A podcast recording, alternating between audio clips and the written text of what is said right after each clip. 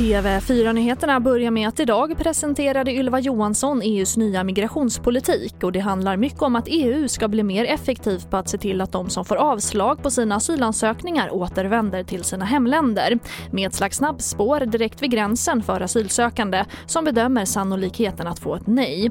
Man försöker helt enkelt styra upp migrationen mycket hårdare. Och den 16-åriga pojke som misstänks ha skjutit ihjäl en annan tonårspojke i stadsdelen Nyfors i Eskilstuna den 17 september har nu begärts häktad. Häktningen gäller grovt vapenbrott och mord och enligt polisen nekar 16-åringen till brott.